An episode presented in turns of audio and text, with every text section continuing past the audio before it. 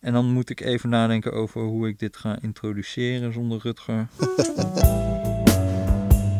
Oké, beste luisteraars. Ja, eh Rutger, wat, eh, de, die is er niet. Dus eh, ik ben het, maar ik ga gewoon door, toch? En ehm, ja, dan zijn jullie natuurlijk benieuwd hoe is het nu met Rutger. Hè? Die ging toch op vaderschapsverlof. Is die beste man dan al vader? Nou, ehm, tot voor kort niet. Eh, ik kreeg maandag kreeg ik nog een, eh, een appje. En daarin zei hij: Ik droomde vannacht dat ik mijn oude Engelsklas zat op de middelbare school met meneer Hamerslag. Dat jij er ook was. En dat we jou het advies gingen geven om te gaan bloggen. Nou, toen zei ik hem van ja, dit zijn hele merkwaardige berichten als voor iemand die elk moment een kind kan krijgen. En toen appte hij mij nog: Het is belangrijk dat je weet dat ik gewoon aan je blijf denken. Dat verandert niet. Liefde is geen zero-sum game. De taart wordt alleen maar groter. Nou, nou heeft hij inmiddels een hele grote taart gebakken, want het kind is er. Dus alle felicitaties die kunnen naar Rudy en Freddy Show, apenstaartje decorrespondent.nl. We zijn allemaal heel blij dat dat eh, is gebeurd. Ik ben er ook in ieder geval heel blij mee, want daardoor kan ik ook dit soort gesprekken gaan voeren in zijn afwezigheid. Ontoegankelijk als altijd, het gesprek wat ik wil voeren, niet waar jullie naar willen luisteren per se. Eh, en ik heb deze keer uitgenodigd eh, Edwin Buitelaar. Ja, programmaleider ruimtelijke ontwikkeling bij het Planbureau voor de Leefomgeving. Ik dacht eigenlijk stiekem dat je een econoom was, maar dat blijkt eigenlijk gewoon helemaal niet het geval te zijn.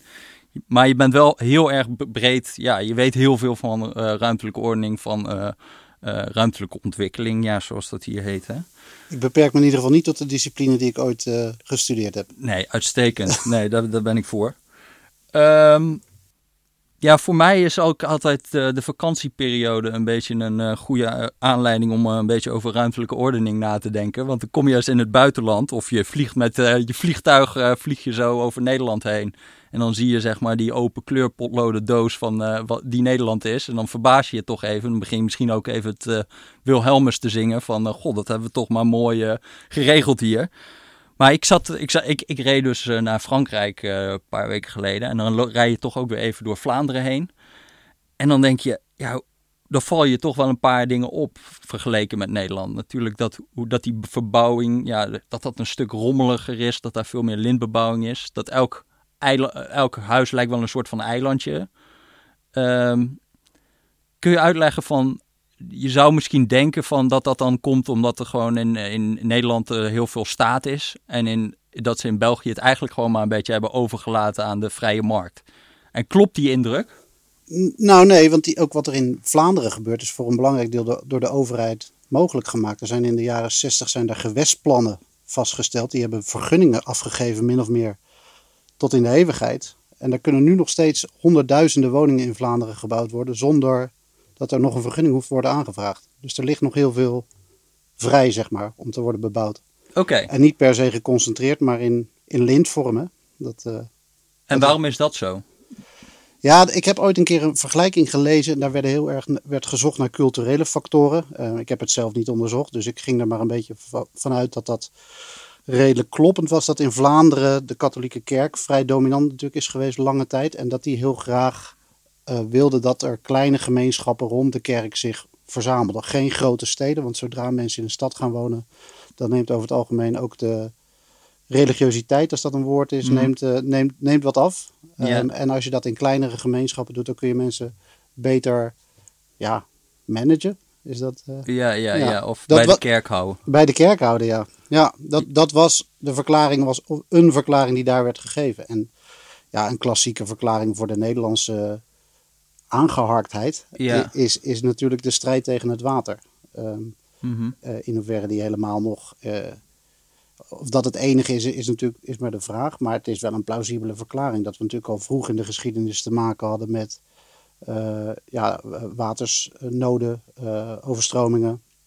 Ehm, en dat je daardoor als overheid, als collectief, eh, je meer moet bemoeien met de inrichting van het land. Ja, dat ligt wel redelijk voor de hand. En dat we dat vervolgens hebben doorgetrokken naar allerlei andere terreinen, dus ook naar de woningbouw en eh, bedrijventerreinen of wat dan ook. Eh, ja, Mhm. dat, is, dat is dan wel logisch. Ja, want ik las ergens in een van jullie stukken ook dat je dus een, een, de opvulregel had in eh, Vlaanderen. Ja, Dat is, ik, ik weet niet meer, want dat heb ik samen met een Vlaamse collega Oh, Oké, geschreven. die zat dat- daar lekker in. die zat daar goed in natuurlijk. Die heeft ook bij de, bij de Vlaamse overheid gewerkt. Dat is geloof ik als er minder dan 75 meter tussen twee huizen staat, dan heb je rechtens mag je al eh, dat opvullen. Ja, dan mag je er gewoon bouwen. Dan mag je er gewoon bouwen. En daarbij gebruiken ze ook nog een beetje een elastische meter. ja, nee, ik geloof dat die afstand is ook, wat, is ook in, gaandeweg wat opgerekt. Eh, het is ook zo dat wanneer je een wachtgevel, zoals de Vlamingen dat noemen, hebben, dus zo'n blinde gevel die je natuurlijk in Vlaanderen heel veel ziet. hè, Dan heb je gewoon zo'n eengezinswoning met aan weerszijden een blinde gevel. Ook die is over het algemeen, eh, geeft al voldoende recht om een nieuwe woning daartegen aan te zetten. Ah ja, ja, dus ja. daarom worden ze ook niet met ramen aan de zijkant eh, uitgevoerd. ja, Want dan vervalt dat recht. ja. Dus op zich klopt dan toch wel die indruk dat daar gewoon wat eigenlijk ja, veel meer eh, de bouwers en wat minder markt i- of meer markt is. Geweest, in ieder geval. Nou, dat, dat weet ik niet helemaal. Dat, dat punt wat, dat stuk waar je naar verwijst, is juist het punt dat we daar wilden maken. Is dat ook wanneer het zo is als in de Vlaamse context, dat het over het algemeen is mogelijk gemaakt, gefaciliteerd en soms zelfs actief ontworpen eh, eh, door de overheid. Mhm. dat, dat, daar, daar werk je natuurlijk als overheid ook aan mee. Dat is niet een soort natuurproces, natuurlijk proces dat je overkomt als een Mhm. tsunami, maar dat is natuurlijk iets wat collectief geconstrueerd is, met elkaar bedacht is. Ja, want dat, dat, dat is een beetje wat ik in jouw werk heel erg las. Van, jij bent tegen dat, die, die simpele categorieën van staat en markt. Ja. Van, er is gewoon een spel wat gespeeld wordt en je moet het hebben over die spelregels Ja. eh, op, de, op de woningmarkt. En elk eh, land heeft zijn eigen spelregels. En in België kan het dit zijn bijvoorbeeld dit soort dingen een opvoerregel, dat is een spelregel. Ja. Ehm, maar eh, is dat zelfs zo in bijvoorbeeld van die Amerikaanse steden, die hele extreme voorbeelden van dat ze echt zeggen, nou daar bestaat gewoon geen ruimtelijke ordening zoals Houston. Nee, zeker. Ja, ik heb ook onderzoek naar Houston gedaan, maar ook daar is het zo dat, het, het, dat de overheid, als een overheid geen regel maakt, is dat eigenlijk ook beleid Ja, ja. om tot een bepaald eindresultaat eh, te komen. Dus eh, geen beleid voeren is, is ook beleid voeren. Klinkt misschien wat ja. eh, nou ja, filosofisch weet ik eigenlijk niet. Maar ehm, ik wil maar zeggen, het, het is toch een, een ingewikkelder samenspel tussen, tussen private partijen en de overheid. ja. En ehm, nou ja, dat, dat, dat is waar ik vaak ook moeite mee heb. Als mensen het hebben over de markt, dan bedoelen ze vaak een actor, een partij Mhm. of iemand, namelijk Mhm. private partijen. Maar de markt is een set van spelregels. Eh, Mhm. Een soort, nou ja, ehm hoe heet je ook alweer, Lindblom zei, eh, if, if the market is a dance, then the state provides the orchestra and the dance floor. De overheid Mhm. regelt de, de dansvloer en het orkest. En dat is natuurlijk wat er eh, in, in bijna elk land gebeurt. En de, de vorm waarin dat gebeurt verschilt. Ja, ja, ja, ja. Dus en het zijn natuurlijk ook zelfs dingen als eh, ja, of, eh, of de overheid eh, straten voor jou maakt en of ze daar een prijs op plakt en of zij parkeergelegenheid weggeeft. Ja. Wat de accijnsen zijn bijvoorbeeld. Hè. Ik denk dat die heel veel van die Amerikaanse steden, dat daar toch vaak de oorzaak in wordt gelegd van dat Houston er zo uitziet, omdat er helemaal eh, weinig ruimtelijke ordening is. Maar ik kan me ook voorstellen dat als zij accijnsen hadden zoals in Nederland, dat je ook niet dat soort steden krijgt, omdat het gewoon veel te duur wordt om zoveel auto te rijden. Absoluut. En daar is het zo dat de overheid heel actief faciliteert met het aanleggen van, van wegen. Als je een impact fee betaalt als ontwikkelaar, dan wordt dat geld meteen gebruikt om een weg aan te leggen richting die ontwikkeling die die ontwikkelaar van plan is te gaan, gaan uitvoeren. Dus dat wordt volledig gefaciliteerd, zeg maar. En Houston is ook wel een, een interessant voorbeeld. Hè? Dat is de enige stad in Amerika, misschien wel de enige stad in de westerse wereld waar geen zoning is, dus geen zonering. Dus dat heet in Nederlands een Een bestemmingsplan. bestemmingsplan, Ja. precies, met, met bestemmingen. Maar dat is alleen in naam zo. Er is niet zoiets als een zoningplan, maar er zijn allerlei andere regels die eigenlijk precies hetzelfde doen als wat in andere steden een zoningplan doet. Maar mensen zijn daar zo tegen zoning, want zoning wordt daar geassocieerd met overheidsinterventie, ingrijpen in individuele Mhm. eigendomsrechten, dat het woord gewoon vermeden moet worden. Maar via, dat noemen ze ook backdoor zoning, dus via de achterdeur komen er ondertussen allerlei verordeningen, regels die eigenlijk... Wat dus, voor regels moet je aan denken? eh, de, de, de omvang van je perceel, ehm, subdivision rules zijn dat, eh, maar ook eh, parkeerregels, parkeernormen, hoogteregels, eh, historische... is eigenlijk alles wat in een bestemmingsplan alles wat in een bestemmingsplan, of bijna alles wat in een bestemmingsplan zit, zit daar ook in. Ook regels dat er bijvoorbeeld niet binnen zoveel honderd meter van prostitutie een school mag zitten. Al dat soort regels zijn natuurlijk ja, feitelijk. op zich wel oké dat...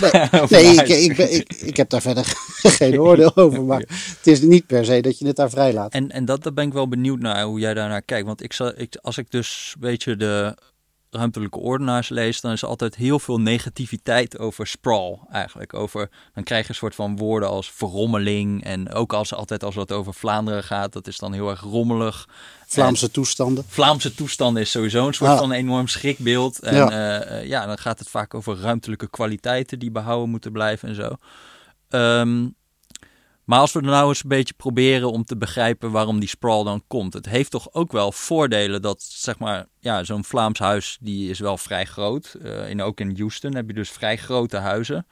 Eh, als je dat toestaat, die, die sprawl, dan is dat, ja, dan kan je dus meer, meer vierkante meters consumeren voor een lagere prijs. Ja. Al las ik laatst wel een onderzoek waarin werd gezegd dat, dat Vlamingen minder vierkante meters per persoon consumeren. Ja, ik heb dat, ik moet eerlijk zeggen, ik heb dat ook even uitgezocht nog, maar dat klopt volgens mij Oh, dat klopt niet? Ik- want ik las het volgens mij- statistisch bureau dat het gewoon 85 of 90 vierkante meter per persoon is daar. Dus dat is wel, Ja, nee, dat, er zit ook een heel, heel groot verschil tussen de Nederlandse en de, en de Vlaamse wooncultuur. Ik heb wel eens een stuk gelezen waarin mensen zeiden: van, ja, als in Nederland een, een, een bewoner een wooncarrière wil maken, dan moet hij verhuizen. Van, Mhm. het, van een appartementje naar een, een gezinswoning, misschien twee onder een kap en dan weer terug naar een appartementje. Ik weet niet precies, maar hoe, hoe je wooncarrière eruit ziet. Maar in Vlaanderen is het over het algemeen zo dat mensen een wooncarrière in hetzelfde huis eh, doormaken. Doordat je er elke keer weer een, een verdieping op zet of een, of een Ah, ja. aanbouw. Of die ruimte is er, is er dan. Dus dat zou je inderdaad als, als een voordeel kunnen zien. Meer individuele vrijheid.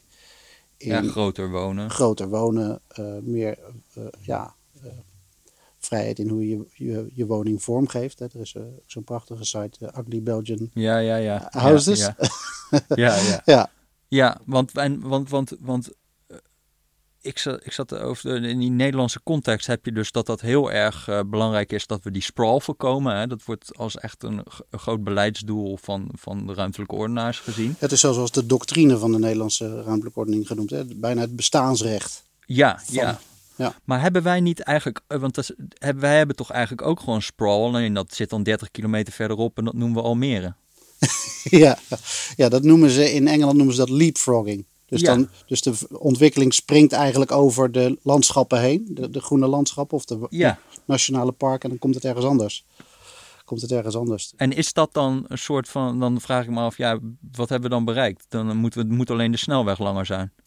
Nou, wat we denk ik wel bereikt hebben, is dat we het in een meer geconcentreerde vorm doen. We hebben een eh, polycentrisch stedelijk patroon in Nederland. Dus geen, geen Frankrijk met één grote, groot centrum, dat is Parijs. Maar een, een, een verstedelijkingspatroon waarin we meerdere centra hebben. En Almere is inmiddels ook gewoon een, een centrum. Dat is niet, natuurlijk niet een volledig uitgesmeerd verstedelijkingspatroon. Dat heeft ook nog wel enige dichtheid Mhm. had denk ik wat meer gekund, maar heeft ook nog wel enige dichtheid om een voorzieningenniveau eh, te kunnen ondersteunen. Want dat is natuurlijk wat je in veel Vlaamse eh, gebieden ziet, is dat die bebouwing zo is uitgesmeerd dat je geen fatsoenlijk openbaar vervoer op poten kunt eh, Ja. zetten en dat je geen fatsoenlijk voorzieningenniveau, culturele voorzieningen, winkels, horeca, eh, whatever.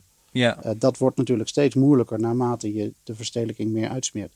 ja, En ik denk dat we dat in Nederland wel wat beter hebben gedaan door die stedelijke uitbreiding, die bijna een soort, ja, als vanzelf wel, nou niet vanzelf, maar in ieder geval die druk die is er. En die hebben we, die hebben we iets nadrukkelijker begeleid Mhm. In, in, in Nederland, in, in meer geconcentreerde vorm. Want wat, wat, wat waren we dan precies verloren als we dus bijvoorbeeld tegen Amsterdam Almere aan hadden gebouwd? Nee, dan waren we volgens mij niks verloren. Sterker nog, dat was misschien Verstandiger geweest. verstandiger geweest. Maar we hadden ook het anderszins kunnen verliezen. Namelijk dat bijvoorbeeld het Groene Hart eh, in lage dichtheid was volgebouwd. Of eh, meer richting eh, Utrechtse Heuvelrug of, of waar dan ook. Ja, En los van de landschappelijke gevolgen die dat heeft, dat, dat zou dan denk ik wel in een lagere dichtheid zijn, eh, zijn gebeurd. want wat is het nou met dat groene hart? Dat be- begin ik ook steeds minder goed te begrijpen. waarom dat zo waanzinnig belangrijk is om dat in deze manier te... Eh, Ten eerste, waarom heet het het groene hart? Want je krijgt een beetje een soort natuurvibes bij Terwijl het gewoon een agrarische industrievlakte is van Engels rijgras. Ja. Uh, waar, die, waar ook nog de boel enorm aan het verzakken is door die intensieve veeteelt. Waardoor al die waterschappen honderden miljoenen uh, moeten gaan besteden om uh, al dat grondwaterpeil goed te houden. Dat je je afvraagt van ja, waarom is dit dogma er zo sterk? Het is ook niet zo dat nou heel veel mensen recreëren daar of zo. mensen die zijn geïnteresseerd in natuur, landschappen, dat vinden ze fijn om heen te gaan. Maar dit zijn niet de meest aantrekkelijke landschappen ook. Ja, dit is denk ik wel, wel persoonlijk. Ik, ik heb vroeger heel veel gewielrend en heel veel door het Groene Hart. En ik waardeer het enorm, het, het, gebied. Maar los volgens mij van de landschappelijke kwaliteit of de ecologische kwaliteit, waar ik gewoon niet zo heel veel verstand van, uh, van heb, is het, daar heb je denk ik wel gelijk in, zonder meer een beleidsconstruct mhm. ook geworden. Dat, dat al voor de oorlog is ontstaan. Ja, dat is altijd het bekende verhaal dat Plesman, de oprichter van de KLM, er overheen vloog en een hoefijzervormig stedelijk gebied zag met een groen hart daar in het midden. En sindsdien uh, heet het het Groene Hart en hebben we het in, in allerlei beleidsnota's uh, zien, we het, zien we het terugkeren. Heeft het op een gegeven moment de status nationaal landschap gehad. Dat, dat heeft, het, heeft het niet meer. maar provincies beschermen het nog wel vrij, vrij intensief. Noord-Holland en Zuid-Holland en Utrecht. Um, dus het, ja, zoiets kan ook wel een, een eigenstandige ja, betekenis gaan krijgen en zo gereproduceerd worden. Mhm. En dat is denk ik ook wat er gebeurd is. Maar ik, ik denk dat, dat je genoeg mensen kunt vinden die je kunnen laten zien wat de ecologische en de landschappelijke waarden van het gebied zijn. Om het wel het behouden waard te laten zijn. En dan is even de vraag: geldt dat voor het hele Groene Hart? Mhm. Dat denk ik eerlijk gezegd niet. Met name de zuidkant uh, tussen Den Haag en Gouda. Nou ja, uh, de landschappelijke kwaliteit ontgaat me daar af en toe ook. Uh... Maar dit, dit vind ik altijd ingewikkeld. Wat bedoelen de soort van ruimtelijke ordenaars met landschappelijke kwaliteit en ruimtelijke kwaliteit? Want dit is een soort van eh, een, een esthetisch begrip. Ja. Maar mensen kunnen daar verschillend over denken Zeker. natuurlijk. En, en op een gegeven moment heeft het heeft ook afruilen. Dus hoe weeg je dingen dan tegen elkaar af in, in, in dat vakgebied? Nou, dat, dat, dat, is, dat is een politieke afruil uiteindelijk. Dat is heel moeilijk om dat te kwantificeren van dit is kwaliteit en die kwaliteit is meer waard dan die. Uh, dat gaat uiteindelijk toch in de politieke arena, wordt bepaald welke, welk belang uh, zwaarder weegt. Um, en ja, ik probeer me eerlijk gezegd over het algemeen niet echt een, een mening aan te meten over wat, wat ruimtelijke kwaliteit nu precies is en wat het niet is. En wat vind je dan van de soort van meer economische mensen die zullen zeggen van ja, we kunnen het kijken aan betaalbaarheid. We kunnen bijvoorbeeld zien dat als je tegen het Vondelpark aanwoont, dat dat een gigantische waarde vertegenwoordigt. Het groen van het Vondelpark, dat vinden mensen mooi, daar wonen ze graag tegenaan. Nou ja, we zien niet dat er nou een gigantische waarde van die weilanden zit uh, waar mensen tegenaan wonen. Dus de betaalbaarheid misschien niet zo hoog. Um, dus, nou ja, misschien kunnen we daar wel wat meer dan gaan bouwen. Ja. Vind nou, je dat een te beperkte... Uh... Nou, die betalingsbereidheid is natuurlijk een, in, in bepaalde opzichten een beperkte visie. Ik vind hem wel vaak sterker uitgewerkt dan wat planologen daar tegenover mm zetten. Er komt namelijk niet zo heel veel tegenover. Dus dit, Mhm. dit is, het is wel een, een, een vrij sterk analysekader waarmee je kwaliteiten tastbaar, meetbaar uh, kunt maken en daardoor ook onderdeel kunt laten zijn van zo'n zo'n afruil-uitruil die je, net, uh, die je net, net noemde. Maar het lastige met dat soort analyse is over het algemeen wel dat je niet alleen maar betalingsbereidheid uh, meet, maar ook de mogelijkheid om iets te kunnen betalen. Over het algemeen zijn bijvoorbeeld mensen die rond het Vondelpark wonen uh, ook ja, boven modaal. Mm-hmm. Kunnen dus ook meer besteden. Mhm. Dus je meet dan niet alleen maar hun bereidheid om daar te wonen, maar ook hun vermogen om daar te kunnen Ja, dus er zit ook de inkomensverdeling zit De inkomensverdeling zit daar voor een deel in. En, en die technieken om dat te onderzoeken worden wel steeds beter. Van die, van die zogenoemde sorting modellen. Mhm. Dat je beter rekening houdt met wat voor, wat voor type mensen eh, eh, en hoe ze verspreid eh, zijn over de stad. Dus dat wordt wel, dat wordt wel steeds beter. Maar ja, ik, vind het een, ik vind het een sterk analysekader, maar alleen op zichzelf te smal. Ja. Ja, want eigenlijk ben je gewoon een gebruik aan het maken van hoe mensen, wat de gebruikswaarde is van mensen, bijvoorbeeld van groen. Hè? Hoe, hoe, dat, dat, zeg, dat, dat drukken wij uit met wat we bereid zijn te betalen om in de nabijheid van dat groen uh, te wonen. Maar je zou ook kunnen zeggen, ja, dat groen heeft ook bestaanswaarde. Hè? Dus bijvoorbeeld dat er ergens zo'n grutto lekker zit te pikken Ja. in, een, in een weiland. Ja, dat vinden we, daar hoeven we niet per se dat wij daar genot van ondervinden. Maar het is gewoon mooi dat het bestaat. Ja. En daar zit niet per se direct een prijs op geplakt. Hoewel we dat natuurlijk als we een soort van analyse zouden doen, zouden we dat wel kunnen doen. En gewoon een cijfer verzinnen van, Ja. nou die grutto is ons toch zoveel waard of zo. Maar dat worden dan wel hele lastige verhalen. Maar ik vind het wel ingewikkeld dat je dus een soort van die, die stukken zit te lezen. En, je, en ik heb geen houvast. Ja. Ruimtelijke kwaliteiten, ja.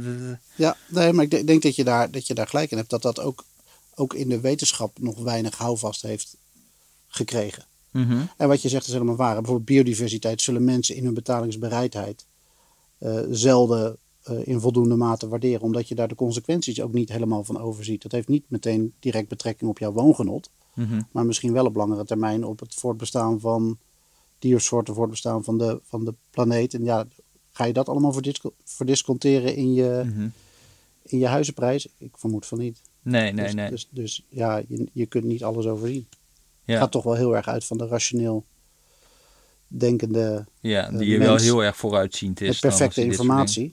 Eh, en dat is natuurlijk een, eh, een illusie. Ja. Ja. Oké, dan een miljoen woningen.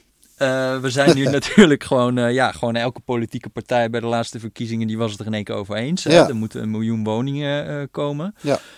Jullie hebben bij het PBL, hebben jullie ja, ook gewoon die verkiezingsprogramma's toen doorgenomen. Hè? Eh, Ja. daarna gekeken van, ja, wat staat er nou aan concrete maatregelen in? Ehm, ja, wat troffen jullie aan? Wat, eh, wat kan je daarvan zeggen? Poeh, ehm, ik, heb, ik heb een klein deel van dat, van dat onderzoek voor mijn rekening genomen. Nou, in ieder geval wil iedereen wel een minister van Wonen of een minister van Vrom of een minister van, van Ruimte. En moet er iets van nationale eh, regie komen. Ja. Ehm, Ik moet zeggen, bij mij gaan dan alle alarmbellen af. Want als hier in een vergadering iemand zegt dat de regie moet worden gepakt, dan betekent het meestal dat de ideeën op zijn. Maar oké. Nou, ik, ik, ik- in, in zekere zin, wij, dat, wij zijn daar ook kritisch over in dat, in dat rapport. Er wordt niet heel erg aangegeven wat dat dan vervolgens eh, eh, betekent. Mhm. En hoe dat dan vervolgens ook dat woningtekort eh, gaat dichten. Mhm. Ehm, en, maar dat is wel, dat is echt over de hele linie wel zo'n beetje wat, wat bijna elke politieke partij voorstaat. En verder zijn er, zijn er wat verschillen in de, de mate van grondbeleid die die partijen zouden willen voeren. Of eh, wat voor heffingen of wat dan ook. Maar dat is ehm, denk ik allemaal niet wat, wat het woningtekort eh, gaat reduceren. En dat, dat was ook onze constatering wel zo'n beetje bij, bij alle programma's. Ja, dit is, dit is niet genoeg Dit zijn niet de grote posten of zo. dit, dit, dit gaat het niet, eh, niet, niet worden. En ik, en ik denk ook dat dat is omdat eh, woningbouw voor een heel groot deel een decentrale activiteit is. Het zijn ontzettend veel individuele pijplijnen, Mhm. bouwprocessen, waar je via nationale regie of allerlei nationale interventies maar heel beperkt enige versnelling in kunt, eh, in kunt aanbrengen. Nou, ik vond het wel interessant dat in, dat in jullie, in dat, eh, die analyse van de verkiezingsprogramma's, zeiden jullie van, ja, zo'n minister van Vrom terug, eh, terugbrengen is leuk en aardig, maar er staat nu in principe al in de wet een soort van aanwijzingsbevoegdheid. Hè? Dus de minister van Wonen die er nu is, kan ook al zeggen, daar moet gebouwd worden. Dus die kan eigenlijk die decentrale processen, nou ja, doorkruisen. Ja. Als ze dat zou willen. Maar daar is in de afgelopen 30 jaar volgens mij nog nooit gebruik van gemaakt. nee, Dus dan is een beetje de vraag, ja, waarom, eh, als, dat, als we dat nu al niet bereid zijn te doen, wat, wat, wat moet zo'n mini- minis- ministerie van Vrom dan nog eigenlijk bijdragen van als we nu al op zich de instrumenten hebben, maar gewoon niet willen gebruiken? Nou, ik kan me wel voorstellen. Kijk, nu is, is ruimte en wonen, dat zijn, is onderdeel van een, van een veel groter takenpakket van, van, van de minister. Het Mhm. zit allemaal bij BZK, het ministerie van Binnenlandse Zaken en Koninkrijksrelaties, in. Dan krijgt het natuurlijk in ieder geval op politiek niveau niet helemaal de aandacht die het misschien zou moeten, zou moeten krijgen. Dus een apart ministerie zorgt er in ieder geval voor dat je, dat je daar nou ja, het, het prominenter op de agenda zet. Maar dan komen er nog steeds alle vraagstukken die er de afgelopen jaren ook waren. Van, ga je dan ook echt doorzettingsmacht tonen? Mhm. hè? Bijvoorbeeld het inzetten van zo'n, van zo'n aanwijzingsbevoegdheid. Hoeveel geld gaat zo'n minister krijgen? Gaan die sectordepartementen zich schikken Mhm. naar die ruimte? Want dat is vaak toch de gedachte. hè? Je hebt dan de, een minister van ruimte. En dan moeten al die functies, natuur, landbouw, wonen, eh, water, dat moet bij elkaar gebracht worden. Maar ondertussen zijn er ook allerlei sectordepartementen Mhm. verantwoordelijk voor die dossiers. ja, die gaan dat niet allemaal zomaar eh, keurig netjes afstaan. En, Ja, en dan harmonieus Harmonieus, samenwerken en dat tot gaan we eh, integreren. eh. en dan hoor je al die termen als meekoppelkansen, synergie-effecten. Dat ja, moet het ja, allemaal- Ja, ja. Nou, dat dan gaan moet- weer de alarmbellen Ja, dat gaat ook meteen. Nou ja, maar goed, dat, dat, heb, dat, heb, ik, dat heb ik ook wel. Ehm, ja, dat, ik zie dat niet zomaar, eh, zomaar gebeuren. Je kunt, denk ik, een nationale eh, ruimtelijke ordening om allerlei redenen, dat dat weer een groter gewicht krijgt, lijkt me heel erg verstandig. Maar ga er niet al te grote verwachtingen over hebben voor het dichten van het woningtekort. Want dan Mhm. denk ik dat je van een, eh, van een koude kermis thuis... komt. Ja. Want misschien is dit ook een soort van naïef economisme. hè, Maar wat mij altijd verbaast, als ik dan in die nieuwbouw monitor corporaties of zo, dan zag je van, nou, het, het aanleggen van een vierkante meter kost 1500 euro tot 2000 euro. Nou, best wel veel, maar zeg maar als je kijkt naar de prijzen... Bouwkosten bedoel je? Bouwkosten, ja. Ja. Als je kijkt naar de prijzen gewoon in grote steden, die liggen echt orders van grootte hoger dan dat. Ja. Eh, dus het aanleggen van een vierkante meter levert in principe heel veel geld op. Ja. Maar dat- waarom gebeurt het dan toch niet? Want dat vind ik, dat is eigenlijk wel raar, toch? Waarom dat- werkt de markt niet? Waarom werkt de markt niet? Nou, er zitten volgens mij een aantal dingen bij. Die, die, die rekensom die werd la- twee weken geleden ook bij Hollandse Zaken. Eh, dat programma van, is dat de KRO of de NCV? Ja, Zo'nzelfde ook soort rekensom gemaakt. Heel simpel, huizenprijzen, bouwkosten eraf en na- naar beneden. Maar er, wordt natuurlijk, er moet wel meer gedaan worden om zo'n woningbouwlocatie mogelijk te maken. Dat moet bouw- en woonrijp gemaakt worden. Eh, er gaan allerlei plan- en proceskosten, die zeker binnen stedelijk gigantisch zijn, moeten er eh, vanaf. Ja, dat zijn wel kostenposten die, die van dat verschil wat jij net aanduidde wel ook af moeten om het mogelijk Mhm. eh, te kunnen maken. Ehm, ja, en dan speelt toch ook vaak een rol dat de grond tegen een relatief hoge prijs eh, vaak gekocht is. Mhm. Ehm, om ook, omdat ook de verkopende partij van de grond vaak wel weet van nou hier is woningbouw eh, mogelijk. Mhm. Dat, ja, dat ga ik niet voor een agrarische waarde afstaan. Mhm. Dat, dat, dat, dat prijs ik alvast het toekomstige gebruik. Ja, eh, dus dit moet je echt nee. even uitleggen aan de, aan de mensen. Eh, eh, dit gaat over de residuele grondwaarde. Hè? Dus Ja. ja, wat is grond waard? ja, ja, dat is altijd ingewikkeld en contra-intuïtief, zo, zo, ja, zo lijkt heel het. erg contra-intuïtief. Ja, nee, misschien even geschiedenis. Dit gaat denk ik terug naar David Ricardo, een, een Britse econoom. Begin 19e eeuw schreef hij het boek eh, Principles of Political Economy and Taxation, als ik het goed zeg. Ja. En daarin staat ook een quote, waarin, eh, vrij vertaald, waarin hij zegt: Graan eh, is niet duur omdat de grond duur is, maar de grond is duur omdat graan duur is. Mhm. Met andere woorden, de waarde van de grond is een afgeleide van hetgeen er op die grond gebeurt. Mhm. Van de waarde van hetgeen dat er op die grond gebeurt. Dus de waarde van graan bepaalt de waarde van grond. En dat kunnen we ook vertalen naar eh, grond voor woningbouw. Mhm. Ehm, de grond voor woningbouw heeft, heeft een waarde vanwege de woningen die er uiteindelijk op gerealiseerd worden. Dus als kunnen worden. kunnen worden. Dus als op een gegeven moment duidelijk wordt van nou deze locatie gaat eh, gebruikt worden voor, in de toekomst voor woningbouw, eh, dan gaan ontwikkelende partijen, maar ook gemeenten, maar ook een boer bijvoorbeeld die de grond verkoopt en een adviseur daarbij inschakelt, want dat gebeurt natuurlijk over het algemeen, gaan denken van ja wat zou hier nou straks allemaal gerealiseerd kunnen worden qua woningbouw en wat zouden die woningen waard Mhm. kunnen zijn. En vervolgens ga je dan bedenken, ja, maar we moeten die woning ook bouwen. Dus die kosten moeten er vanaf. Mhm. Ehm, maar we moeten ook de wegen aanleggen. Eh, we moeten ook nog misschien het draineren.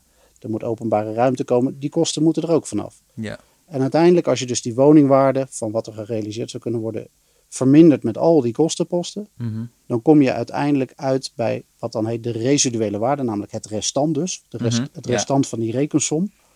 Eh, dat is dan de residuele waarde van ruwe bouwgrond. En dat is in principe de grond die dan bijvoorbeeld van een boer wordt verhandeld richting een projectontwikkelaar. Ja. Of in de stad van een voormalige fabriek naar een projectontwikkelaar. Ja. Dus- En met dat geld moeten ook de partijen betaald worden een beetje. Zeker. Dus ehm, je prijst bij de waarde van de grond al heel erg in wat er in de toekomst gerealiseerd zou, kunnen, worden. Waarmee je dus ook eigenlijk al gelijk een beetje de boel op slot zet. Hè? Dus dit, dit, is, dit gaat prima zolang de woningmarkt, qua, zolang de huizenprijzen stijgen. Want dan heb Mhm. je uiteindelijk de waarde waartegen het gekocht hebt, is uiteindelijk lager dan die, die op een gegeven moment, dan dat die op een gegeven moment waard is. Hè? Want die huizenprijzen die blijven, die blijven stijgen. Dan heb je Mhm. marge om nog mee te spelen. Mhm. Maar wat we natuurlijk hebben gezien na 2008, of eigenlijk vooral in 2012, 2013, na de financiële crisis en de gevolgen daarvan werden een paar jaar later duidelijk, is natuurlijk dat die huizenprijzen gingen dalen. Waardoor die, de, de grondprijs die mensen in het verleden hadden betaald, hoger kwam te liggen dan de, wat, de, wat de grond op dat moment nog waard was. En Ja. dan kom je niet meer uit. ja, en dan Dan ga je dus ook niet bouwen. Dan ga je die bouwen. En Dus dat, was ook heel erg wat, we- wat, wat je ziet. Hè. CPB heeft zo'n studie gedaan naar van wat gebeurt er met de bouwproductie als de prijzen stijgen. Nou, dat is tamelijk inelastisch heet dat dan. Ja, Dus er is ja. weinig relatie tussen prijsstijgingen en eh, eh, wat er dan gebeurt. Maar bij prijsdalingen is het wel in één keer heel elastisch. Dus Ja. dat wil zeggen dat als de prijzen dalen, dan krimpt de bouwproductie heel hard mee in Nederland. Ja. Dat heeft hier dus mee te Ja, maken. het is makkelijker om iets te laten dan om iets, eh, om iets te doen. En dat, dat is wat je, waarom je die asymmetrische elasticiteit ziet. En dat er inderdaad bij prijsdalingen de, de bouwproductie voor, voor een belangrijk deel stil kwam te liggen. Toen kwam er ook nog eens een keer die verhuurdersheffing voor de corporaties Mhm. overheen. En toen was het natuurlijk helemaal wel eh, eh, even gedaan met de, met de productie. Mhm. Maar dat had voor een belangrijk deel te maken met dat, dat ontwikkelende partijen eh, hun business case niet meer rondkregen. De financiële haalbaarheid Ja. was, was even weg. En dan is het ja, vanuit bedrijfseconomisch oogpunt verstandig om even te wachten. Want daar zie je hier bijvoorbeeld in Amsterdam ook veel van die projectontwikkelaars over klagen van... Ja, eh, er is een wisseling van het gemeentebestuur en die zeggen dan in één keer... we moeten bij elk bouwproject 40% sociale huur, 40% middeldure huur en 20% koopwoningen aanleggen. Wij hebben grond gekocht in de veronderstelling dat dat niet hoefde. Eh, nou ja, sociale huur, middeldure huur, dat drukt de exploitatie. Hè? Dat, dat, dat, dat, daar is er minder rendement te halen. Dus we komen niet meer uit, dus we gaan niet meer bouwen. Nou ja, dat zijn natuurlijk best wel moeilijke discussies, omdat we niet in de boeken kunnen kijken. Ja. Eh, en dan is er heel erg onderling wantrouwen tussen die projectontwikkelaars en de gemeente. Dat de gemeente altijd zegt, nou, dat geloven we niet. En dan, maar ja, dus daar kan je ook zeggen, de proof is in de pudding. Van ja, als er niet gebouwd wordt, dan zal het inderdaad wel niet iets opbrengen, toch? Of is dat... Nou, dat, dat zou ik niet automatisch zeggen. Dat, dat kan in sommige gevallen zeker het ge- geval zijn. Hè? Maar eh, je had laatst eh, Koen Teulings hier, hier op bezoek. Mhm. Die heeft recent een onderzoek gedaan waarin hij laat zien dat het voor veel stukken grond best interessant kan zijn om bij een opgaande markt Mhm. nog Het even heeft een optiewaarde. Het heeft een optiewaarde. Nog maar even een tijdje te wachten. Ja. Want het gaat, het gaat nog beter worden. Ja, Dus, ehm, en in, in dit geval speelde natuurlijk ook nog weer mee. Was toen net voor de gemeenteraadsverkiezingen was het volgens mij de vorige keer al dat, dat partijen zeiden van. Nou, we wachten wel even op het nieuwe college eh, voor we gaan bouwen. Want misschien dat die, dat die regel wel weer. Ja, ja, ja. ja. Dus je kan als gemeente kan je eigenlijk ook nooit geloofwaardig zeggen... het blijft altijd 40% sociale huur. Nee, dat Eh, kun je alleen voor de komende vier jaar. eh, Ja, ja eh, dus die kunnen natuurlijk ook speculeren op een verandering van het regime... waardoor je ook de vertraging je- erin ja. behoudt. Ja, nee, dus die, volgens mij moet je dat dus ook heel, heel genuanceerd zien. Die, die vertraging of die, of die gebrekkige mogelijkheden tot versnelling van de bouwproductie. Dat zit zowel een beetje aan pu- publieke als aan private kant. Eh, Mhm. dat, dat dat niet altijd even, even snel eh, verloopt. En, maar het is van beide kanten ook heel goed te begrijpen. hè, Dat een, dat een gemeente op een gegeven moment zegt, die zien, die zien die torenhoge huizenprijzen en dat grote groepen geen woning in de stad kunnen krijgen. Ja, dan is zo'n 40-40-20 regel, hè, 40% eh, koop. eh, ehm, nou, wat was het ook weer? Nee, het is 40% sociale huur, 40% midden. Middenduur huur, dus dan wordt het Ja. voor 30 jaar vastgelegd of zo... Dat je niet mag, eh, niet hoger dan x bedrag. Ja, en 20% eh, eh, Koop. koop en, en dure huur volgens Ja. mij. Ja? Ja. Dat is dan wel een logische regel. Maar ik snap ook wel weer vanuit private partijen dat je denkt van ja, we, we zijn nu net klaar om te gaan ontwikkelen. En dus eigenlijk worden de spelregels tijdens het spel Ja. aangepast. Je wil wel eigenlijk een soort stabiel kader hebben. En dat, dat kader kan best wel streng zijn.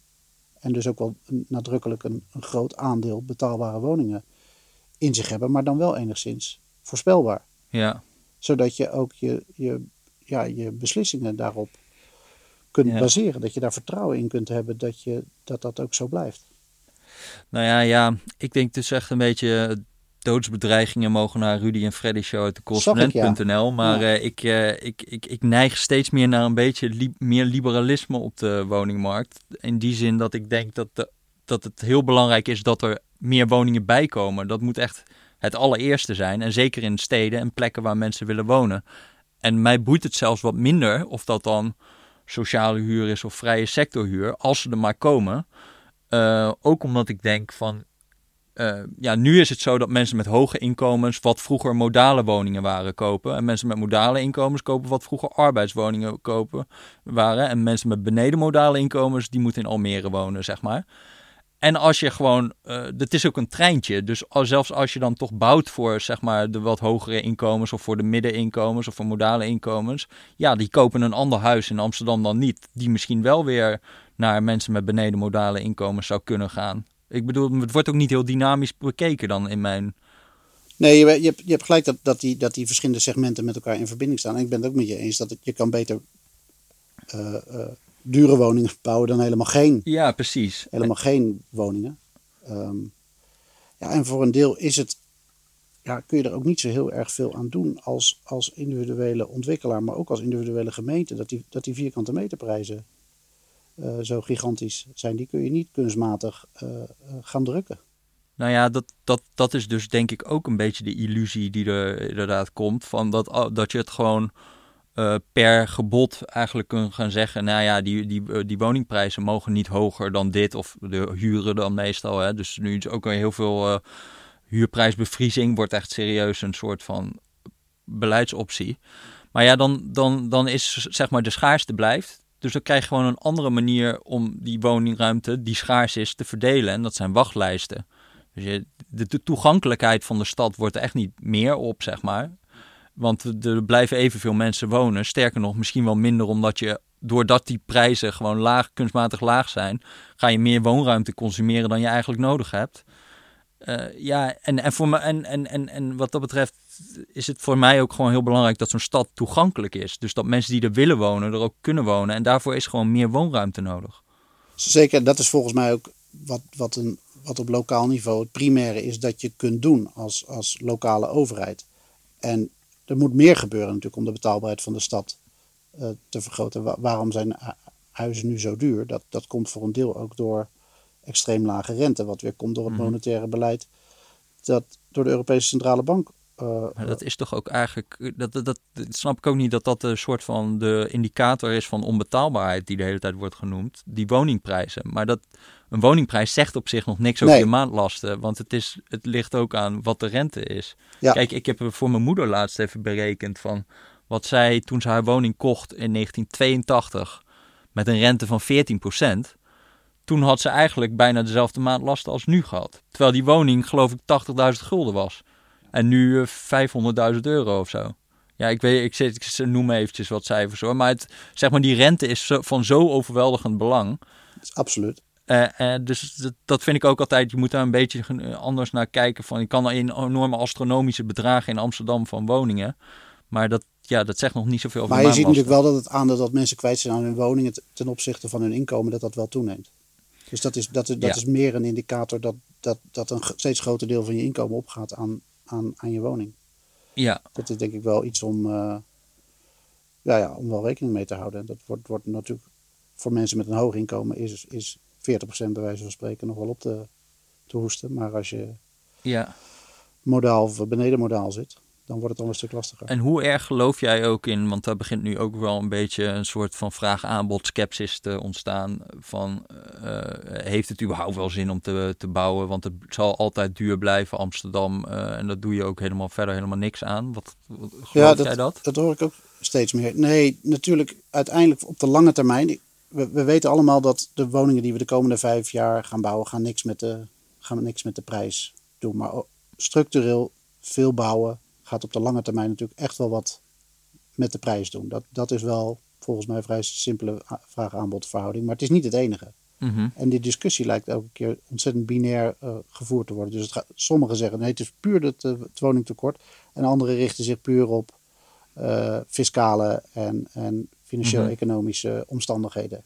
Waardoor het komt. Ik, het is een combinatie van die, van Mhm. die twee. En ze zijn allebei, eh, eh, zijn het volgens mij knoppen waar je aan moet draaien om wat te doen.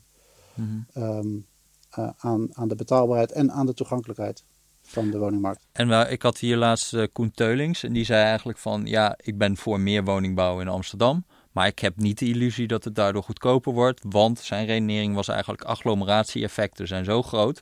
Dus de agglomeratie-effecten zijn dat de stad aantrekkelijker wordt als er meer mensen wonen. Dus hij zegt eigenlijk als je je woningen neerzet, dan komen er meer mensen naartoe. En die mensen trekken weer nog meer mensen aan. En daardoor eh, stijgt ook de vraag als je meer aanbod maakt. Waardoor je eigenlijk de stad alsmaar duurder wordt, zelfs als je de woningen neerzet. Geloof je dat?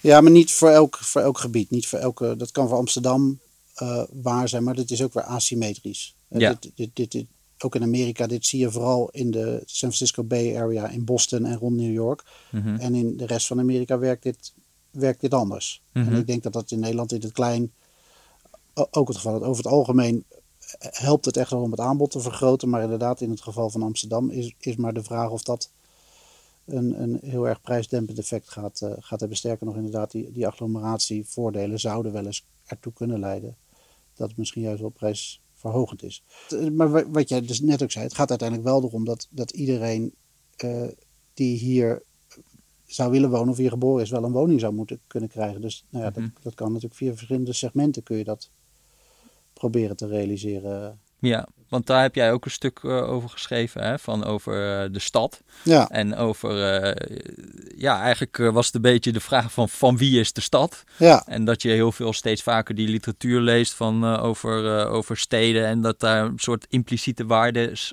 waardeoordelen in zitten die jij eens een keertje expliciet wilde maken.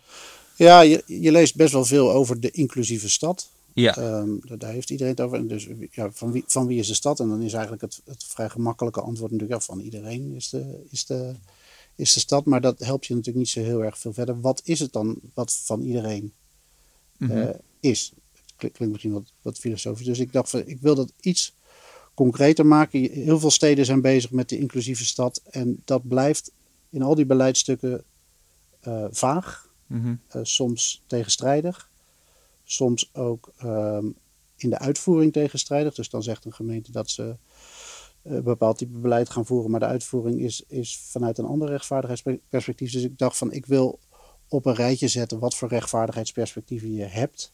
Want rechtvaardigheid kun je op verschillende manieren opvatten.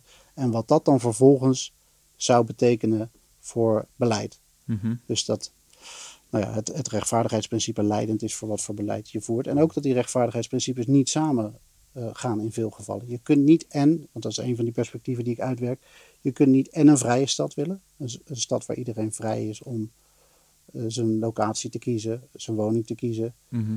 En tegelijkertijd een soort egale spreiding van inkomensgroepen, Ja, eh, etniciteit, opleidingsniveau, leeftijd of wat dan ook. Dat, zo'n egale spreiding kan dan niet. ja, Die twee die zijn fundamenteel met elkaar onverenigbaar. ja, moet je erkennen. Dus daar moet je, daar moet je ook een keuze, eh, eh, denk ik, in maken. Als je, ehm, ja, als je segregatie in, in verregaande mate tegen wil gaan, dan kun, je, dan kun je in ieder geval niet permitteren dat mensen zeg maar vrij eh, bepalen in de stad waar vrij verhuizen. Ja, dat, dat, nou ja, dat zie je natuurlijk nu een beetje in die tweebosbuurt in Rotterdam. Ik weet niet of je het casus kent ja, van ja, ja, dat ze het hebben gesloopt en het dan Ja. ook nog gaan verdunnen. Ja, dat is een beetje raar Ja, en, en, en koopwoningen, hogere inkomens moeten daar dan eh, Mhm. komen. En dat, dat is vanuit zo'n egaliteitsgedachte natuurlijk wel te begrijpen. Dat er een andere bevolkingssamenstelling daar komt. Mhm.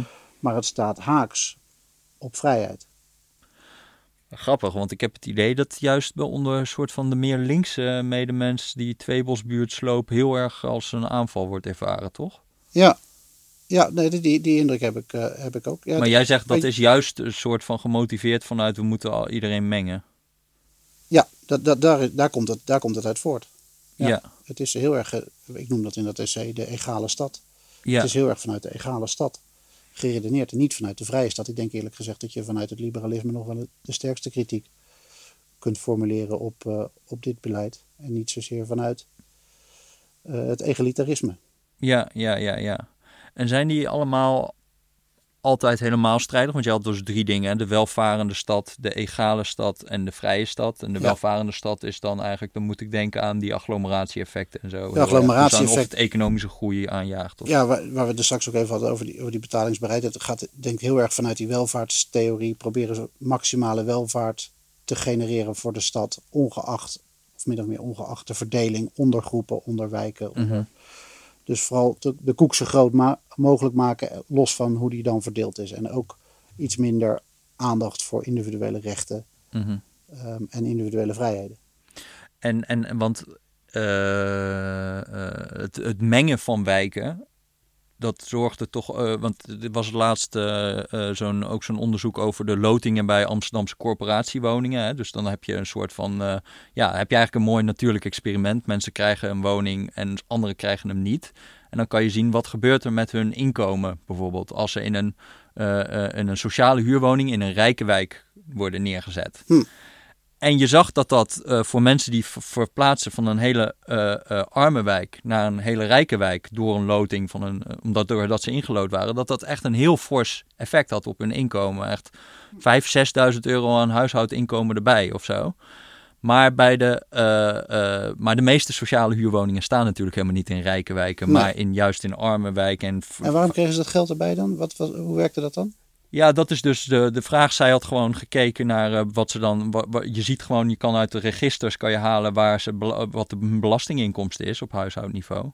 En je zag dat als zij van huis ver, eh, verwisselden na twee jaar, dat hun inkomen, hun huishoudinkomen 5000 euro hoger was gemiddeld. Nou ja, ik ben dan toch wel geïnteresseerd in het causale mechanisme waar dat dan door komt. Ja, ja, nee, dat is een interessante vraag. Maar dit is ook, ook in eh, Amerika hebben ze die onderzoeken met Moving to Opportunity en zo. Ja. Ray Chatty. Ja. Die heeft toen ook, hebben ze ook een soort van vouchers, kregen dan bepaalde gezinnen om naar een eh, betere wijk eh, te gaan. En dan zag je dat daar ook best wel forse positieve effecten van waren. Ja. Van menging dus. Ja, dat is wel interessant, want de, die, die buurteffectenliteratuur, Mhm. eh, die, die is inmiddels echt gigantisch. Mhm. En, en ook redelijk onbeslist volgens mij wel. Dus dit soort voorbeelden komen voor, maar ook wel veel voorbeelden waarbij het niet aangetoond wordt dat de buurt echt effect heeft op de individuele kansen. Dus dat het vooral zo is dat mensen met bepaalde individuele kenmerken, kansen in bepaalde wijken concentreren.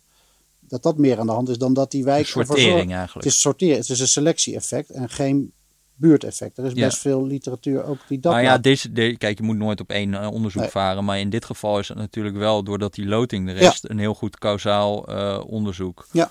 Eh, maar wat wel heel erg pijnlijk was, was eigenlijk dat de gemiddelde toewijzing van een sociale huurwoning een negatief effect op je inkomen had. Dus je ging er eigenlijk in inkomsten op achteruit. Het was alleen bij die subgroep van mensen die van arme naar een rijkere wijk gingen, dat ze erop vooruit gingen qua inkomen. Ah, ja. Maar het heeft er natuurlijk ook mee te maken dat de meeste sociale huurwoningen niet in de beste wijken staan. Maar dat is wel een soort van, eh, voor mij, dat ik dan denk van, oh ja, dat is wel interessant. Misschien zouden we dus dan juist meer moeten gaan mengen. Mhm. Ook, ook voor, vanuit de welvarende, zeg maar, eh, stad. Dat het misschien goed is dat mensen dan meer kansen krijgen en ook hun inkomen erop vooruit zou kunnen gaan. Ja, als dat in de, als dat Als het zo is. Als het zo is, ja. Nee, wat, dat, dat- ik haal ook een- wat literatuur in dat essay aan waar- waarin juist wordt aangegeven dat dat, dat dat nog redelijk onbeslist is. Hè? Dat, Ja, er, ja, dat er inderdaad literatuur is dat zegt van ja, die buurt die doet echt wel wat met je. Eh, en literatuur die zegt van ja, nee, het, is, het is toch vooral je individuele kenmerken. Ja, ja, ja, Eh, ja. En er is geen additioneel effect van die buurt. En dan zou er een afruil zijn, veel meer. Ja, Ja. zeker. Ja.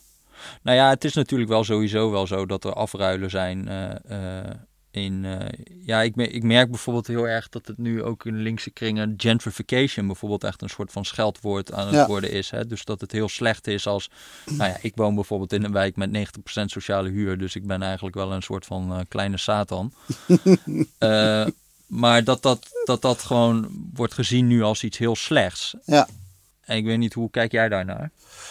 Nou ja, misschien heel flauwer, maar ook, ook, ook weer genuanceerd. Dat hangt er maar helemaal van af hoe die gentrificatie tot stand komt. Ik ben over het algemeen wel kritisch over door de overheid geleide eh, gentrificatie. Dus als daar echt een, een plan aan te grondslag ligt om die samenstelling van die wijk echt te Zoals veranderen. Tweebosbuurt. Zoals die tweebos. Dat ze gewoon gaan slopen, echt met de bulldozers doorheen. Ja. En hier moet nou maar koopwoningen komen. Hier moeten nu maar koopwoningen. Dat, nou, dat, volgens mij moet je daar heel terughoudend Mhm.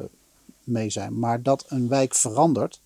Kijk, een stad verandert. De, eh, de, de, zeg maar de, de, de oermoeder zeg maar, van ons vakgebied, Jane Jacobs, heeft dat al eh, laten zien in de Death and Life of, of Great American Cities. Dat, dat, dat steden dynamisch zijn en dat ze komen en dat ze gaan. En hetzelfde geldt voor wijken. Mhm. Die, eh, die hebben soms een opleving en soms gaat het wat minder.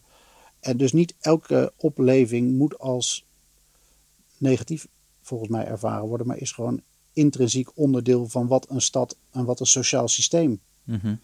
eigenlijk is. Ja, ja, ja. Het leeft, Ja. dus het verandert. Ja, ik moest wel heel erg lachen. Iemand stuurde mij van Twitter. Nee, ik zit daar niet meer op. Iemand stuurde mij dat. maar die stuurde mij zo'n eh, eh, eh, stukje uit de krant.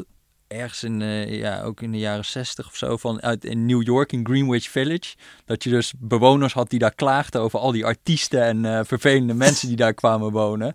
En dat dat toch de oorspronkelijke soort van eh, buurt helemaal aan het, aan het vernietigen was en zo. En, die, en het cultuurtje wat ze daar hadden opgebouwd. Terwijl dat nu juist is wat we, ja, Greenwich Village, dat is de artiestenbuurt, Ja. weet je wel. Ja, wordt nu hartstikke gewaardeerd. Ja, wordt Ja. nu enorm gewaardeerd. Ja, en dat, ja, dat zou je waarschijnlijk, ja, in Amsterdam heb je dat ook heel veel. Ja, dat de die- wijken zijn allemaal heel anders geworden door. Jordaan was toch ook een, eh, eh, eh, ja, een beetje een afvoerputje in de, in de, in de jaren 70. was ook verval. Ja, ehm, ja, dan komen we nu op, of wil ik nog iets over de grond? Nou, nee, we komen gewoon op een nieuwe rubriekje in deze podcast.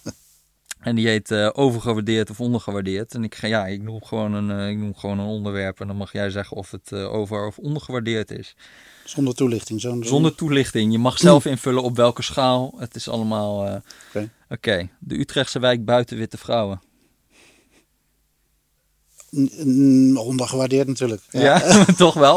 nee, nee, die is niet ondergewaardeerd volgens mij. Nee, nee, nou ja, in ieder geval. Nou, ik keek qua- op Funda en ik kreeg ook niet die indruk. nee, nee, qua, qua huizenprijzen is die, is die overgewaardeerd. Ja. Maar eh, de speculatie en revolutiebouw, hè, dat, dat, was, dat, dat is natuurlijk eh, buiten witte vrouwen een voorbeeld Ja. van. Jij noemt het in je oratie. ja, Dat, eh, dat is mooi, toch? Dus je ziet vind dat ik, al. ik, ik vind een, een stad die ontstaat, enigszins zich spontaan ontwikkelt, wat hij toen deed in de 19e eeuw, in, de, in, die, in die hele korte periode. Mhm.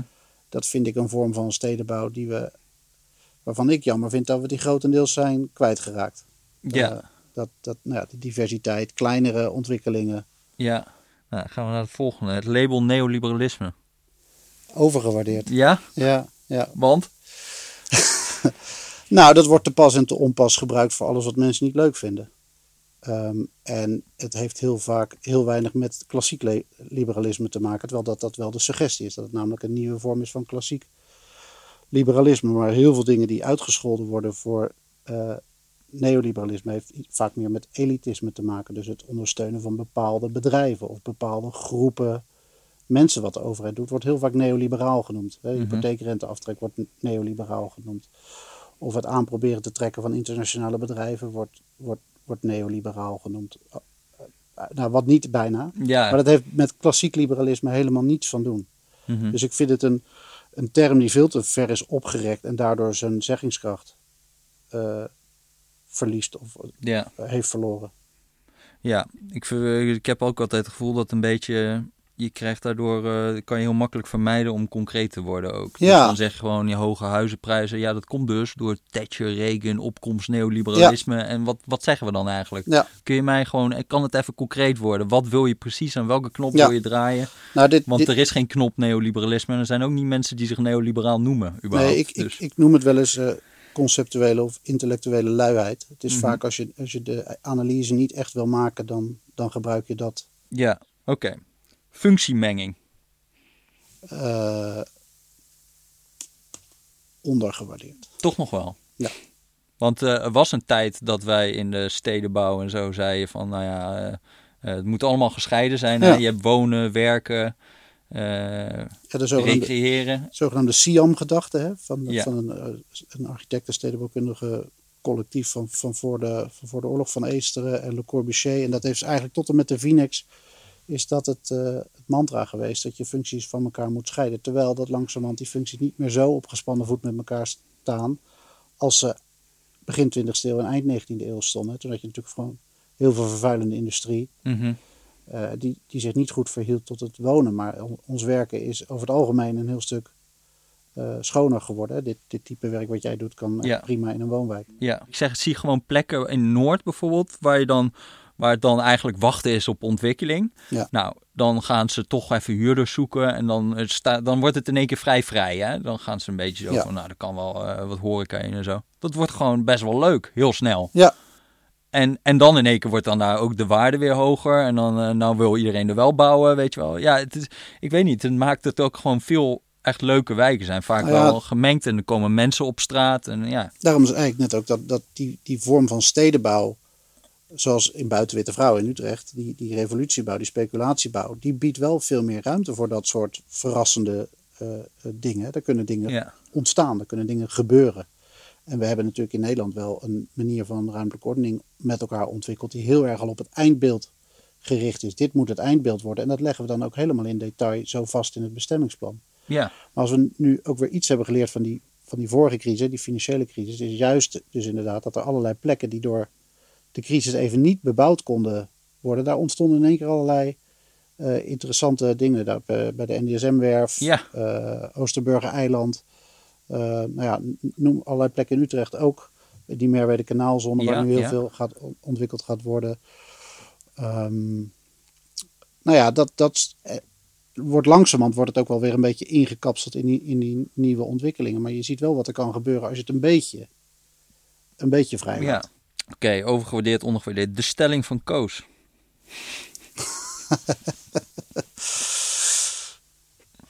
Eh, We willen eigenlijk geen luisteraars meer op het einde. Hè? Dus nee, nee, heel- dat, dit, je bent nu wel echt belangrijk Nee, die is denk ik ondergewaardeerd. Die is Ja. ondergewaardeerd, toch? Denk, denk ik wel, ja. Want we zien het niet heel veel in de praktijk, toch? Dat soort contractvorming. Ja. Ehm, nee, niet zo heel erg veel. Nee.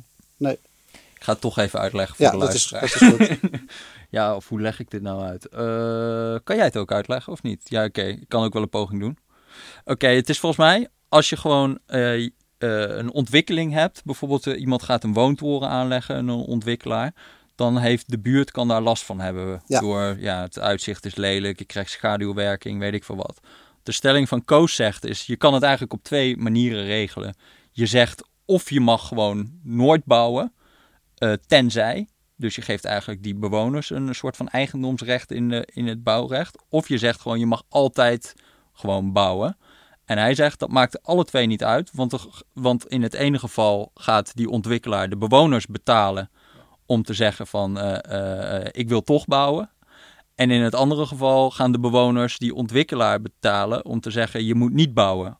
Maar als je toch niet geïnteresseerd bent in of er nog luisteraars zijn. Hij, de, de conditie die hij daarbij, die hij daarbij wel stelde was als er geen transactiekosten zijn. Ja, Dus en dat- volledige informatie. volledige informatie. Dan maakt het niet uit wie de oorspronkelijke eigendomsrechten heeft toebedeeld gekregen. Dan komt er altijd het optimale resultaat. Wat eigenlijk gewoon nooit gebeurt. Nee, daar zijn na- namelijk altijd transactiekosten. En dat is eigenlijk het omgekeerde van, het koos, van die thesis koos is daarom interessanter. Ja, Het maakt dus wel uit. ja, Want er zijn transactiekosten. Het maakt dus wel uit wie je welk recht geeft. ja. Ja. Ja, ja, ja, ja, ja. Dus daarom zeg jij, het is desondanks on ondergewaardeerd. Nee, nee sowieso. Dat, dat, die, die- het werk van Koos, het is, dat is echt ook een feest om te lezen. De, de helderheid van denken. Ja, Eh, toen was de economie nog wat minder technocratisch ja. dan dat die nu is. Mhm. Ehm, nee, dat is, dat is wel heel mooi. Ja, Phoenixwijken. Overgewaardeerd, ondergewaardeerd. Ondergewaardeerd. Toch wel. Ja. Het zijn er ook heel veel, hè? En ze zijn ook nog wel een beetje verschillend. Ja, en ik denk in de, in de professionele kringen wordt daar nogal badinerend eh, Ja, ja, ja. over gedaan. De, de, de meeste collega's, denk ik, eh, wonen daar ook niet. Ehm, maar daar wonen heel veel mensen met heel veel plezier. Ehm, eh, als ik Leidse Rijn bijvoorbeeld zie, ik, nou, het erover had, ik, ik woon in Utrecht, dat vind ik voor, als ik het vergelijk met een aantal andere Phoenixwijken ook wel echt een, een heel geslaagd eh, Mhm. heel geslaagd plan met een geweldig groot park. Er wordt nu een ontzettend mooi nieuw centrum gerealiseerd. Ja, dat, volgens mij is dat met heel veel eh, zorg en aandacht eh, gedaan. Er wonen mensen met heel veel plezier. En dat Phoenix-model, hè, dat komt nu ook wel een beetje weer terug Ja. in de discussie van we moeten weer een nieuwe Ja. wijken doen. Hè? Dus we gaan gewoon dingen aanwijzen en daar moeten de mensen, daar moet er gebouwd worden. Ja. Ben je daar ook fan van? Nou, ik, ik heb altijd moeite met dat soort nostalgische eh, reflexen. eh, Mhm. de, de, good old days. Want er was ontzettend veel ook, eh, aan te merken op hoe dat eh, toen ge- gerealiseerd eh, werd. Hoeveel geld daar ook mee eh, ge- gemoeid is. eh. Mhm. Oké, tot slot. Maatschappelijke kosten-batenanalyses. Overgewaardeerd, ondergewaardeerd. overgewaardeerd. Ja? Ja, de, de som, gewoon het rekensommetje vind ik overgewaardeerd. Dus het getal dat eruit komt. Maar de manier van redeneren vind ik eigenlijk ondergewaardeerd. Ja. Eh, het, het denken, even terug jongens, we hebben nu wel een, een leuk plannetje bedacht. Maar wat was nou ook alweer het probleem? En is dat plan wel echt een oplossing voor dat probleem? En wat als we misschien een ander plan zouden hebben? Of het nul alternatief. Ja. Niks, niks doen. Is dat misschien niet... Dus die, die manier van redeneren, even terug Mhm. van wat is nou eigenlijk het probleem en wat voor oplossingen zijn daarvoor.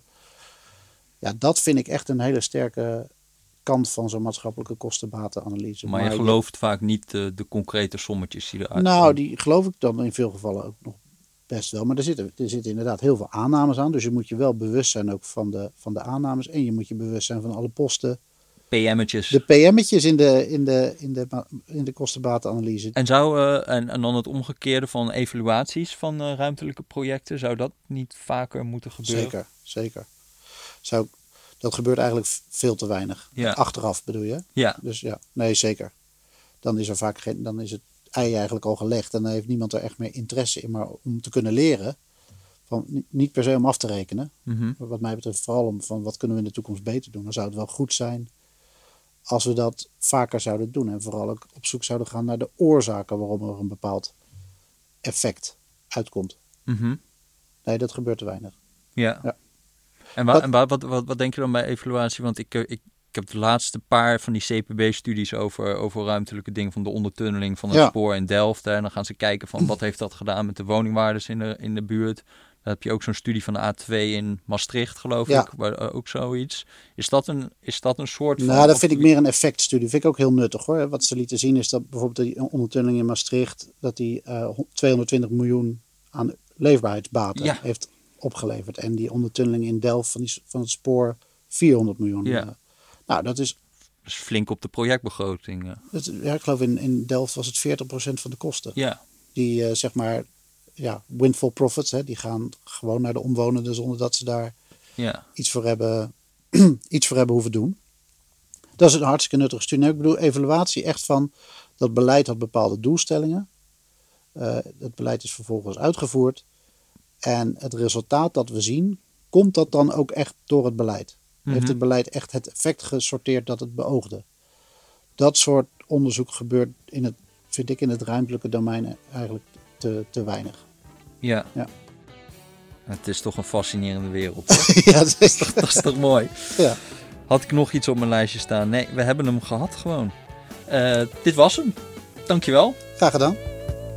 Dan zetten we op de knop en dan is het klaar.